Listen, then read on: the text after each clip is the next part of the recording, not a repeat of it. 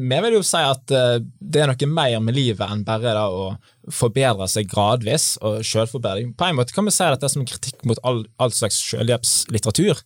Problemet der eh, er ikke at um, en skal forbedre seg sjøl, vi ønsker jo å bli en bedre versjon av oss sjøl på mange måter. Men problemet er da at uh, en, en vet ikke helt hva en skal gjøre med skyld og skam. Grunnproblemene i menneskeheten.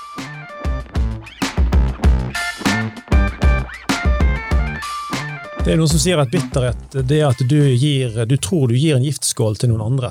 Altså Bitterheten er at du vil at de skal lide, men egentlig så drikker du den giften sjøl, og, og, og, får dette mørke indre.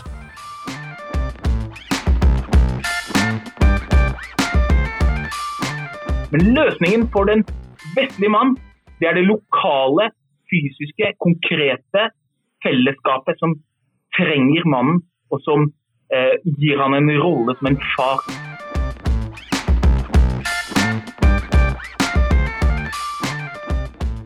Jobb med ditt hjerte. og jobb med å ikke, Det er urettferdig. Livet er tøft for alle. Livet er urettferdig for alle. Men hvordan er det du sjøl dealer med det? Og Der lærte jeg eh, at jeg skulle omfavne stormene i livet.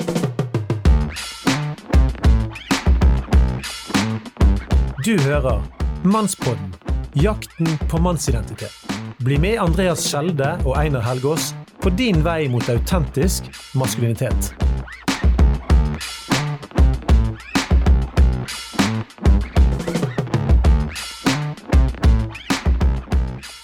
Velkommen til eh, Mannspodden. Mitt navn er Andreas Kjelde, og nå beveger vi oss inn i siste episode om Jordan Peterson. Den fjerde, faktisk. Den fjerde, og det er, det er litt trist, Steinar, syns du ikke? Jo, fordi uh, vi har det jo så bra sammen med Steinar, Asbjørn og William. Dette har vært utrolig eh, kjekke, gode samtaler. Jeg syns vi har gått dypt. Jeg synes det har vært gøy, så, så nå, nå satser vi på at vi lander godt her. Og så skal vi begynne episoden i dag med å lese en anmeldelse da, på poden vår. Wow og den er fra Ass 198. det er fascinerende! Men uh, denne personen skriver utrolig god podkast. Anbefaler alle som er interessert i mannsidentitet, å lytte. Ja. Så det, det, er veldig takknemlig for Ass 198. Ja, det er veldig fint, Ass. Vi takker deg, Ass. Og uh, vi, vi, vi, håper virkelig at folk sprer dette, sånn at det kan høres i små bygder eh, og store byer over det ganske land. Ja, og så må vi huske på at dette er jo et samarbeid med omgud.net. Det er helt riktig. Og vi har jo en fast spalte, Einar. Nei og nei. Nei og nei. Uh, jeg får heller begynne da, denne gangen, Andreas. Um, har jeg en litt rar side? Jeg har mange. Uh, sånn at Den jeg tar i dag, er at jeg klarer rett og slett ikke å se film alene. Hæ? Hvorfor ikke? Jeg klarer ikke å se film alene. Jeg er, jeg er, ekstremt fellesskapstenkende rundt film. Så når jeg er på uh, feriehuset vårt oppe i Nordfjord eller vi er hjemme og skal se film, da er det alltid uh, Jeg må se med noen. Så jeg, uh, jeg, jeg, kan ikke huske sist jeg så en film helt alene. Det, det er for meg helt meningsløst! Men det er jo herlig, det. Det er bra. Ja, mulig det. Men du, da? Hva er så rart med deg i dag? Det som er rart med meg i dag, det er at jeg tror jeg har verdens styggeste håndskrift. Ja, Det er så sinnssykt mange menn som har det. Det der var jo ikke spesielt engang kommer dragende med noe så vanlig som det der. Det er jo helt, det er ikke, ja. Det er på tide med en ny spalte, eller hva sier dere? Jeg tror vi tar, eh, jeg tror vi eh, tar min, eh, min, spalte. Skal jeg ta min ordspalte? Gjør det. Um, Jordan Peterson snakker sinnssykt akademisk fett-spalten. Og um, denne gangen går ordet til Er det William? Det er du som skal få ordet først? Nei, jeg husker ikke hvem som oh, ja, ja vi, vi, kan kjøre William. Ok. Um, hva betyr agreeable? Medgjørlig. Det er ikke det som står på lappen min. Det er jo riktig. Ja, men det er riktig. Ja, Det er nok det. Det står behagelig her. Hva har Google Translate? Ja, det, var, det var dårlig. Medgjørlig er bedre. Ja, men... Ah, jeg syns det gir mer mening når han snakker om at, eh, at eh, kvinner er mer agreeable Men det er jo et, det er et personlighetstrekk òg, på samme måte som det conscientiousness-trekket. Ja. Det er et personlighetstrekk. Det her er også et personlighetstrekk ut fra femfaktormodellen i, pers i personlighetspsykologien. Skjønner. Mener du det ikke har med kjønn å gjøre? da? Eh, det har litt med kjønn å gjøre, jo. Det da vil de fleste si at ja. kvinner gjennomsnitt eh, scorer høyere på det. Nettopp. Poenget er at selv om den gjennomsnittlige Siv Jensen er nok mye mindre medgjørlig enn meg, så det betyr ikke at alle kvinner er det, og alle menn er men hvis du tar 1000 kvinner og 1000 menn, så vil liksom gjennomsnittet av kvinnene være høyere på medgjørlighet. Og Det henger sikkert sammen med biologi, at man har behov for litt medgjørlighet når man skal ha strikkende babyer om natten i år ut og år inn. Det som du har litt problem med der, er at Siv Jensen faktisk på privaten er ganske så medgjørlig. og er veldig glad i sin mor og koser med hund eller katt. eller hva det var. Men Vi skal ikke gå inn på det nå. Altså. Men, men hun, hun er som politiker har nok, nok spilt på noen litt andre ting. Mm. Men, yes, men det leder oss litt inn til samtalen vi skal ha i dag. For det er jo Jordan Peterson er veldig flink til å liksom fremme at man må bli sterk, man må liksom komme seg på toppen av hierarkiet og bli liksom dyktig. Stand up straight. Ja, stand up straight, blant annet. Men hva, hva skal man gjøre hvis man føler seg som mann at man ikke strekker seg til? Fins det noe nådebudskap i Jordan Petersens lære? Peterson sjøl vil nok uh, vise veldig medfølelse og forståelse. Um, han veit hvor hardt livet er, og hvor hardt det er sjøl å, måtte ta seg sammen òg. Så jeg opplever selv at han på mange måter er en som ja, han viser forståelse. Han vet hvor, hvor, vanskelig livet er. Men Bør ikke psykologer vise forståelse? Da bør de. Han er absolutt en psykolog. Eh, så han er en god psykolog på, på veldig mange måter. Så det, det er fantastisk. Eh, og han, han, vil jo på en måte heller fokusere på at ok, da må du, da må du legge vekt på heller prøve å forbedre deg gradvis. da. Eh, ta et steg om gangen, ikke sammenligne deg med andre rundt deg. Eh, samtidig så er det jo andre som opplever da at de, de allikevel de når liksom ikke opp, de føler på skyld, anger, skam osv. Og, og der kan jeg kanskje kritisere Pedersen litt, og peke litt på at eh, budskapet hans blir likevel litt mangelfullt, som tenker helhetlig som menneske. At vi, vi kjenner òg av og til på skyld og skam, noen mer enn andre. Og jeg tenker For oss som er kristne, i hvert fall, så er det en viktig del av vårt budskap er jo at det finnes tilgivelse. Når vi faller, eh, når vi ikke får det til, eh, så eh, kan vi òg motta nåde for Gud pga. at det er en som har, dødd for oss. Og dette, dette snakker altså ikke JP om? Det er ganske fraværende i hans budskap, det da, men det er klart han, han snakker jo som en psykolog og en YouTube-profet, men eh, ikke eksplisitt som en kristen. Så da, da mangler i mer eller mindre grad. Så den mannen som ikke lykkes, han har ikke et sikkerhetsnett som fanger han opp i Jordan Peterson sin lære? Pragmatisk sett så kan du si at uh, på mange måter så, så har han måte hjelp, men, men vi vil jo si at uh, det er noe mer med livet enn bare da, å forbedre seg gradvis og selvforbedring. På en måte kan vi si at det er som en kritikk mot all, all slags selvhjelpslitteratur. Problemet der uh, er ikke at um, en skal forbedre seg sjøl, vi ønsker jo å bli en bedre versjon av oss sjøl på mange måter, men problemet er da at uh, en, en vet ikke helt hva en skal gjøre med skyld og skam. Grunnproblemene i menneskeheten. Ja, og der har vi jo der har jo vi kristne et annet budskap. Eh, Sentralt i vårt budskap er jo Jesus som døde for synd, for skyld. Um, så hele nåde Han er ikke en nådeforkynner.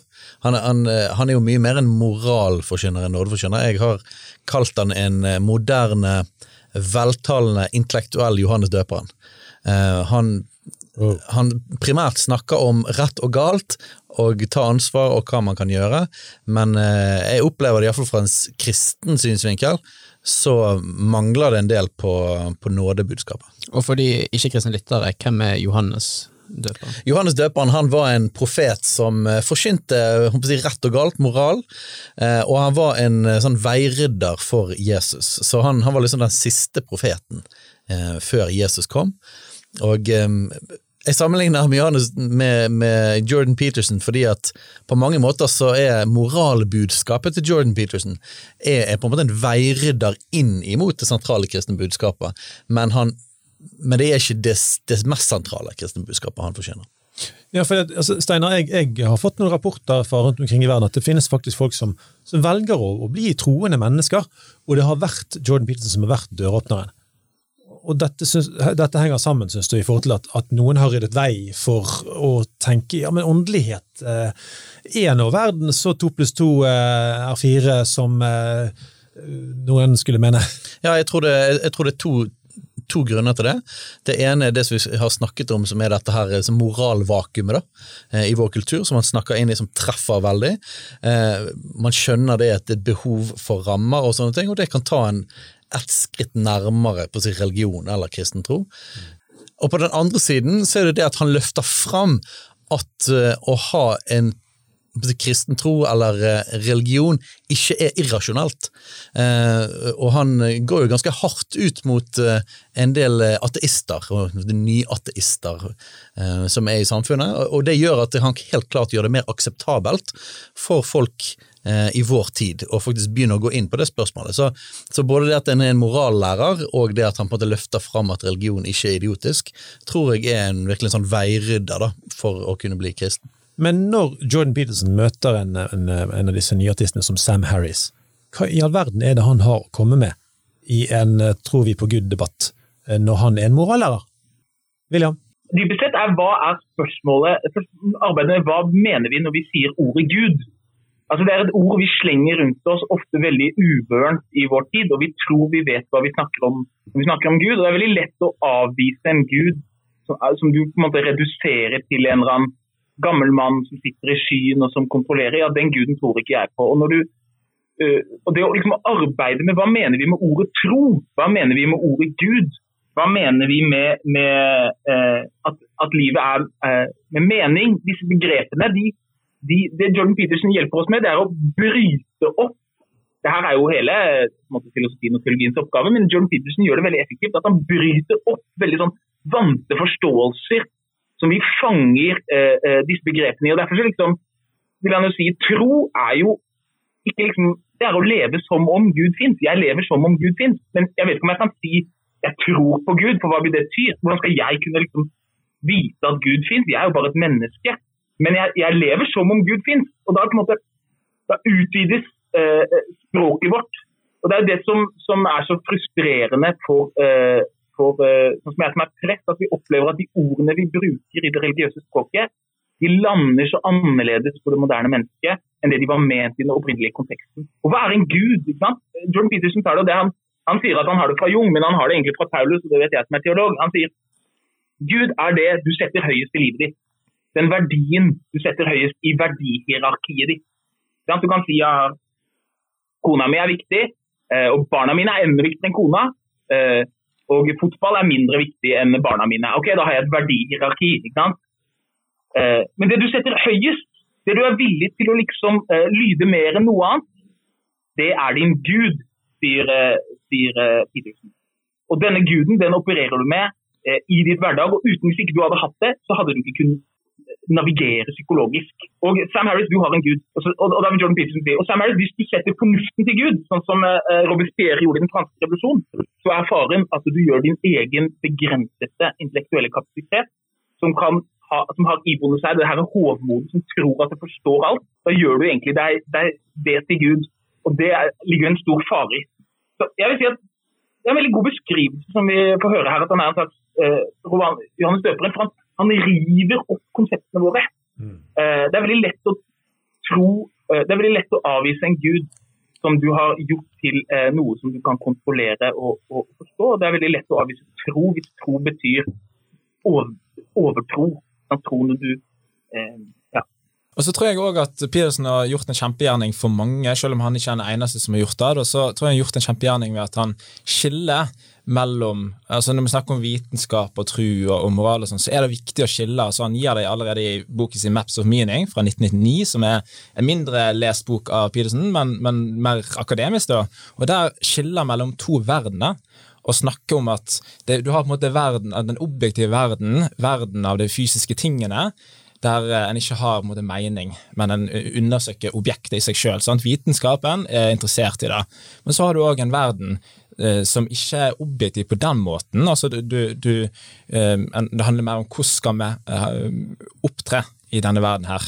Så det er på en måte noe annet, og narrativene, historiene som han bruker mye tid på, er opptatt av det. Har mennesker alltid vært opptatt av. sant? Hvordan skal vi handle, hva er mening, osv. Og, og, og da finner vi mer i disse historiene. Så På den måten så åpner det òg døra opp for en annen verden, at folk ikke Eh, så lett går i den fella som mange har gjort, at de tenker at vitenskapen har på en måte motbevist Gud, som om at vitenskapen egentlig sier noe spesifikt om Gud. Eh, men forstår at det er to verdener. Så han forener uh, tro og vitenskap, eller, eller, de danser sammen på en eller annen måte og utfyller hverandre? Er det det du prøver å si? Ja, at de besvarer på en måte litt forskjellige spørsmål, egentlig. da. Vitenskap, uh, enkelt sagt. Uh, handler jo, handler mer om, om den kan måle og telle sant, ja. av, det fysiske. Men så er det en del spørsmål her i livet, både moral, rent moralske spørsmål, hva er rett og hva er galt, ja. men òg spørsmål om Gud og fri vilje osv., som, som vitenskapen ikke kan besvare gjennom eksperimenter osv. Kjærlighet, da, for eksempel. Er det lett å svare på for vitenskapen hva det er for noe? Nei, det er jo Altså, du, du, du kan jo lage en definisjon, og du kan teste ut ting, men, men eh, det er veldig mange sånne viktige Vi eh, trenger grep. filosofi og teologi og, og Peterson som kobler jo alle mulige fagfelt og, og, og skaper en syntese med mening. Han setter ord òg på en verden som jeg tror alle lever i ubevisst, men han setter altså ord på det. Så uansett hvor måte naturvitenskapelig du påstår å være, eller du være ateistisk, eh, så lever vi med sånne ting som at vi tror at kjærlighet fins. Og du kan si at nei, det er kun sånne her nervebaner og greier som skjer i hjernen og sånne ting, men folk lever ikke som at det faktisk er det. Eh, Folk lever som at dette er betydningsfullt. Vi, vi lever med relasjoner, vi har snakket om familie, vi har snakket om mening, alle disse tingene. Så det er sånn at hvis, hvis du virkelig går på klingen på en mann i gata, så ville alle si det at faktisk så er disse tingene noe de tror på. Um, så, så, så han setter ord på den virkeligheten og den verden. At, uh, og, det at vi har vært veldig naturvitenskapelige, um, har gjort at vi vi på en måte tenker at vi har redusert verden til det, men det er faktisk ikke sant. Eh, Vi lever faktisk med begge disse to virkelighetene eh, samtidig, og det, det setter han ord på. Ja, og så er kanskje vi de som eh, skiller oss ut ifra dyrene, at vi må tro, da. For hvis du tenker både på utdanningssystemet vårt, hvorfor har vi utdanningssystem? Jo, for vi tror at hvis vi lærer våre unge opp, så vil verden, altså fremtidens samfunn vil bli bedre. Eller hvis du er sånn som meg, økonom, opptatt av aksjer og sånt, så har du en tro på at i en gitt fremtid så vil denne bedriften for eksempel gjøre det bedre, og derfor vi har lyst til å investere nå. Men, men det leder oss litt, vi er liksom innom litt disse bibelske temaene. Så jeg lurer på om vi skal gå inn, eh, for Jordan Peterson gjør mange analyser på dette her. Eh, Kan vi gå inn på historien om Kain og Aben? Altså, eh, det er veldig interessant å, som, å se hvordan Jordan Peterson han kan eh, ta historier, og så kan han si sånn Denne historien må det ha tatt mange tusen år å utvikle i eh, evolusjonen, sier han. Ikke sant? Og, og, vi som er, de som er liksom vant til å lese teksten som en religiøs tekst, de blir sånn forvirra. Hva betyr dette? Det han mener i det, det er at det finnes en erfaring som er så grunnleggende i mennesket, at hvis, når mennesker i generasjoner gjør den samme erfaringen mange nok ganger, så blir de liksom konsentrert til veldig sånn meningstettede fortellinger, som er så meningstettede at de kan ikke beskrives enda mer meningstettede. og Da kaller han det for arketypisk, og det har han jo fra Jon. Han sier at de første fortellingene helt i starten av Bibelen, altså før Abraham og sånne ting, og kanskje Abraham også, de må vi ikke først og fremst forstå som liksom en enkelt historisk hendelse, men det er en sånn historie som er så grunnleggende om hva det er å være menneske, at, at uh, vi alle erfarer de. Vi alle erfarer de. Og Derfor så er det like mye fortellingen om oss som det er om noen som levde for 4000 år siden. Og, og det tenker Han om den, det, han kaller jo, uh, Hvis vi skal snakke om uh, Adam og Eva, så kaller han det traume det var for Homo sapiens å få bevissthet. Altså evnen, fremtid, evnen til å forestille seg en alternativ fremtid. Hva skjer da? Jo, du vet at du har faktisk et ansvar. Du har eh, eh, mulighet til å handle annerledes. Du får alle disse tingene som beskriver i første eh, Mosebok, at du opplever skam, du opplever skyld. Du får evigheten plantet i ditt hjerte i det du, i det du får bevissthet. Og, og Peterson har den evnen til å kombinere evolusjon, idéhistorie og overgitt visdom på en måte som oppleves troverdig for eh, de som lytter til ham. Da kan han si sånn Ja, denne ideen den har tatt masse smerte og masse lidelse å utvikle. Og eh, skal, hva skal vi gjøre med den? Og En av de er jo Kain og Abel, da, som, som er en av disse liksom, veldig sånn, konsentrerte fortellingene. Og Det han ofte snakker om i, i og Abel, det er dette eh, som finnes i alle kulturer i hele verden. Eh, dette at vi ofrer. Vi gjør et offer, vi ofrer en ku eller vi ofrer noe til gudene, for at gudene skal eh, eh, se blikk på oss. Og det finnes jo mange teorier på hvorfor, altså sosialantropologiske teorier på hvorfor mennesker gjør det. Og, og Det finnes mange andre enn de Peterson kommer med, som jeg mener også er gode. Men Petersons poeng det er vi ofrer noe i nåtiden for å få en bedre fremtid. Og eh, Kain og Abel gjør hvert sitt offer. Sant? Han ene satsa på det studiet, den andre satsa på det studiet. eller den ene... Eh, og så går det bedre for Abel enn for Kain. Og hvorfor? Det er kanskje ikke så godt å si, men sånn er det jo i verden. En satser på, på eh, den ene aksjen eller den andre aksjen. Altså, det er ikke alltid oversiktlig hvorfor det lykkes for noen, for vi gjør alle ofre.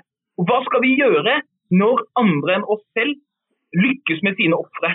Og da sier han du kan selvfølgelig eh, drepe det idealet, sånn som Kain gjør. Du kan drepe Abel og si grunnen til at det går bedre med naboen min, det er ikke fordi han jobber hardere, ikke fordi jeg har noe å lære av ham, men fordi jeg hater ham, Eller fordi eh, Gud, er, eh, Gud er slem. Jeg dreper ham. Og hva skjer da? Jo, jeg blir fylt med bitterhet og hat, og kan ikke la det idealet som naboen min sa ok, hvis du står opp litt tidligere om morgenen, så, så vil du faktisk kunne eh, få mer gjort i løpet av dagen. Det idealet dreper jeg.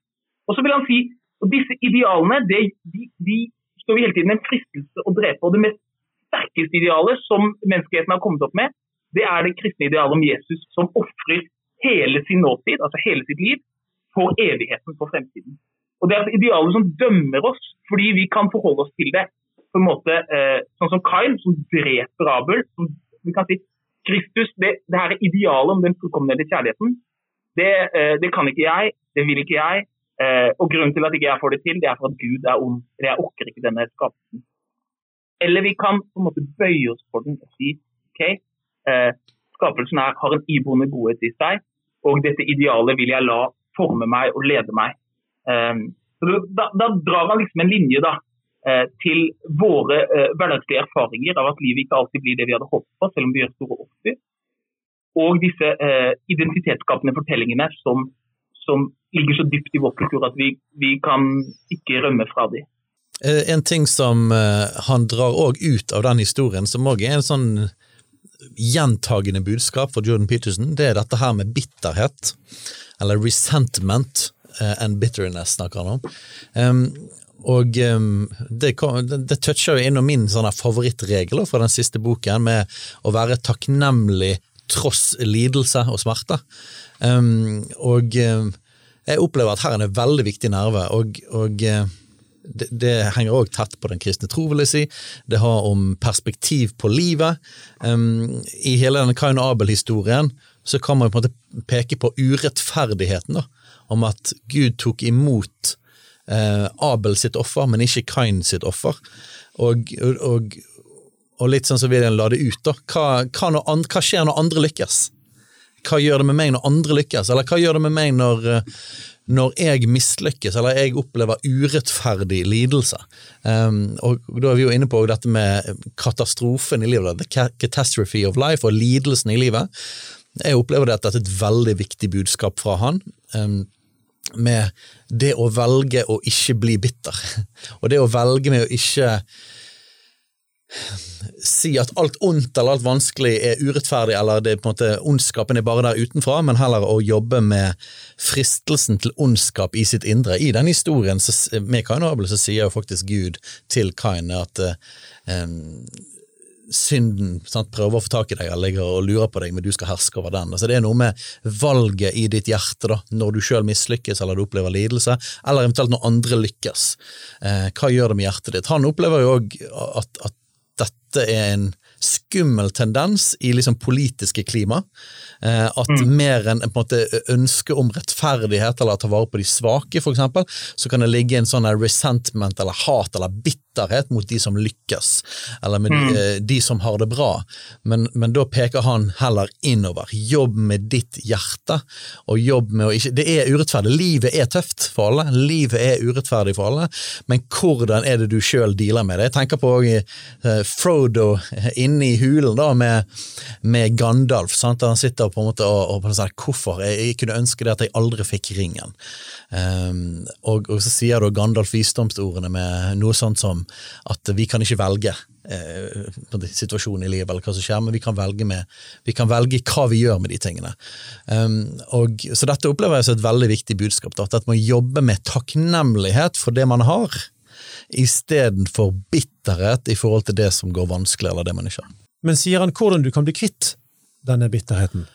Her må jeg blande litt meg sjøl og Jordan Peterson og eh, Bibelen. Um, jeg tror det at uh, både det han sier nå, det jeg tror på, er, er perspektiv uh, og takknemlighet. Så han sier jo den regelen være takknemlig på tross av lidelse. Så hva betyr takknemlighet da, når du opplever noe fælt? Nei, det betyr jo perspektiv. Det betyr å legge merke til å holde fast ved de tingene som faktisk er bra.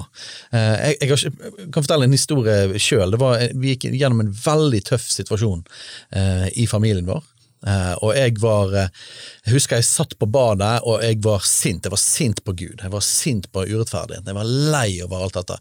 Og så husker jeg satt der, og mens jeg på en måte bare øste ut min klaging til Gud, så fikk jeg bare en sånn tanke at akkurat nå så sitter det noen på kreftavdelingen for barn på Haukeland, og deres barn kjemper mellom liv og død. Og så bare den tanken bare slo inn i meg, og bare sånn her, wow. Takk, Gud, for at jeg har livet. Takk for at barna mine ligger oppe og sover og har det bra. Takk for Jeg har så mye godt. Tenk at jeg bor i dette landet. Tenk at jeg bor i et hus. Tenk, at, eh, tenk alle de tingene jeg har i livet. Eh, Så det perspektivskiftet og takknemligheten som et våpen mot bitterhet eh, tror jeg er veldig sentralt, fordi at vi alle sammen opplever lidelse og urettferdighet. Men takknemlighet er også en troshandling. For det handler, Jeg er veldig enig om det som blir sagt, men det handler også om å leve med liksom den hypotesen at skapelsen er iboende god. Og at du, selv om, ikke, selv om ikke du erfarer det, så skal du leve med den hypotesen. For hvis du ikke gjør det, så gjør du verden så mye verre. Da er det jo liksom la, la atombombene flyte. Ja. Og, og uh, Petersen vil si at, kaller det et valg. Han sier liksom at et eller annet sted så velger du takknemligheten, men når du velger takknemligheten, så åpner livet sitt for deg.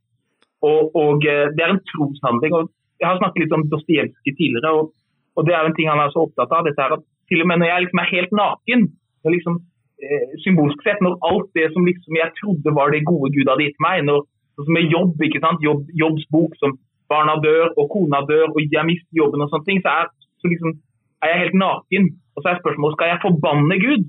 Skal jeg liksom forbanne i den, uh, hele og si jeg skulle ønske at ikke det eksisterte noen ting noe sted noen gang, fordi jeg lider så mye nå. Og, og, og Da minner Jordan Peterson på at da har man et valg, da kan man velge takknemligheten. Man, og, og Hvis man ikke gjør det, så blir man en destruktiv kraft i verden. Og, og det her er jo visdom som man ikke har gulpa fra eget bryst, men som ligger i hele den jødekristne tradisjonen. Ja, det er sant. Altså, han har på en måte en sånn praktisk, pragmatisk side, da, det er så sant. Eh, så på, tross av alle de tingene jeg nevnte i sted, så er det bare sånn at, ja, men hva er da resultatet hvis du velger bitterhet? Eh, hva er det som skjer da? Og, og, det er jo bare å se på handlingene. De blir mer destruktive for andre, det er nummer én, men du får det verre sjøl. Så, så, så, helt sånn rent pragmatisk, nesten litt sånn verdinøytralt, så er rett og slett bitterhet en veldig dårlig vei å gå. Det er noen som sier at bitterhet det er at du, gir, du tror du gir en giftskål til noen andre. Altså Bitterheten er at du vil at de skal lide, men egentlig så drikker du den giften sjøl, og, og, og, får dette mørke indre. Da å gå inn i en offerrolle, det snakker han jo mye sant om som er relevant her. Og det, det, det er destruktivt. Det, det, er på en måte litt sånn um, han, han, snakker mye om uh, nihilisme også, som en, en, destruktiv ideologi, den tanken om at, for, ja. ja om, om, om, at uh, det er på en måte ingen verdi i livet, det er ingen mening i livet. Uh, alt er på en måte meningsløst. Um, noen kan komme der da, av nettopp lidelsen. Noen kan òg sjøl sette seg i en veldig offerrolle, og så finne en nærmest en identitet i det. For en, en syns veldig synd på seg sjøl pga. lidelsen i livet, men, men en må kjempe seg ut av det. Jeg var på et kurs en gang som heter Hjertefokus, som jeg anbefaler mange å dra på. Og Der lærte jeg at jeg skulle omfavne stormene i livet. Selvfølgelig fordi det er karakterbyggende å være i storm, og i lidelse, sant, som hører til stormen, selvfølgelig. At I det kan du lære noe. altså Takknemligheten er nevnt. Sant? Du kan utvikle deg sjøl. Du, du må kanskje bruke en litt sterkere lykt et eller annet sted inni deg og utenfor deg for å finne lys til livet videre. Uh, men, men, men, det å gjøre det, det, det, gjør at man får til en vei videre, da, istedenfor å gi opp. Jeg tror vi Det er fine ord, Einar. Jeg tror vi avrunder uh, der. Men før vi avrunder helt, så hadde vi et spørsmål da vi startet denne serien med Johnny Peterson. Og det er er han frelseren for den vestlige mann? Så da spør jeg deg først, Steinar. Nei, det tror jeg jo ikke han er. Men han er en god veiviser. Um, og som William sa, da, han er en god døråpner inn i noe som virkelig kan være mange nøkler. Uh, som kristen vil jo si at det finnes jo bare en frelser, og det er jo Jesus sjøl. Han er jo det beste idealet for en mann òg. Um, men, men, han er heller ikke løsningen for den vesle mannen, hvis du tar den. da.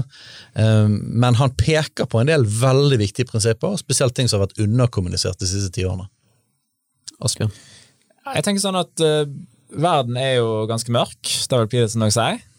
Og han har en ganske god uh, lommelykt som han lyser med. Han lyser opp for ganske mange.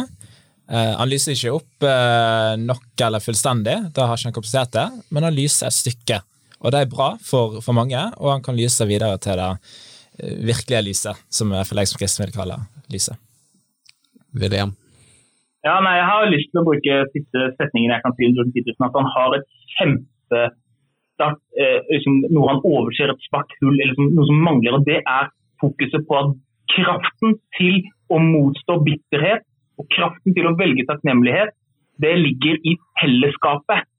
Det ligger ikke at du sitter alene på YouTube på natten og hører en predikant sier 'skjerp deg' og stå opp tidligere i morgenen. Det, og det er det som er hele YouTube-mediets problem, i hele podkastmediets problem. det er at det, det gir meg illusjonen om at jeg kan få en kunnskap alene her jeg sitter, og så skal jeg løse meg selv. Men den kristne troen den sier fellesskapet, sammen. Det er to eller tre er samlet, der er Jesus midt iblant dem. Og for at dere skal være det som kalles for kirken, så er dere nødt til å bryte et brød og møtes helt fysisk og se hverandre og ta på hverandre. Og bære hverandres byrder i det faktiske, virkelige liv.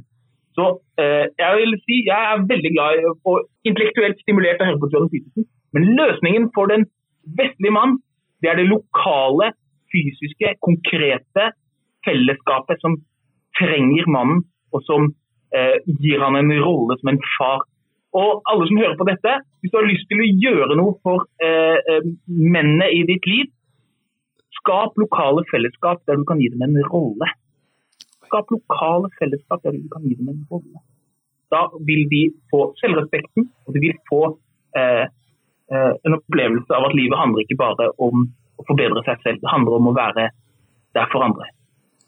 Aldeles nydelig, William. Det ble de siste ordene i, i, i den, den, fjerde episoden om Jordan B. Peterson, den kanadiske psykologen som har vært på verdensturné etter verdensturné, og som vi nå har prøvd å dissekere litt her. Og vi håper folk syns det har vært spennende. Ikke bare fordi det er gøy å forstå eh, en, en, et fenomen som er veldig, veldig spesielt. Så det har vært grunn for å samles fire ganger eh, på dette. Men mest av alt fordi man kan jobbe med seg sjøl, og man kan tenke utover, tenke utover, tenke samfunn. Eh, og, og, og, så snakkes det om lys her. Lys trenger vi alle, og vi har snakket om forskjellige typer lys. La det skinne, folkens. Ja, og da vil vi òg takke Steinar Lofnes, Asbjørn Berland, William Groås. Tusen takk for at dere var med. Det setter vi utrolig stor pris på. Vi må skynde oss, for det er et William skal eh, på Ikea. Så men hvis du likte det du hørte, del gjerne denne podden med dine venner, og gi oss gjerne reviews på Apple Podcast. Og vi avslutter, Einar, med Ja, det blir på bosnisk. Ha det grunjak!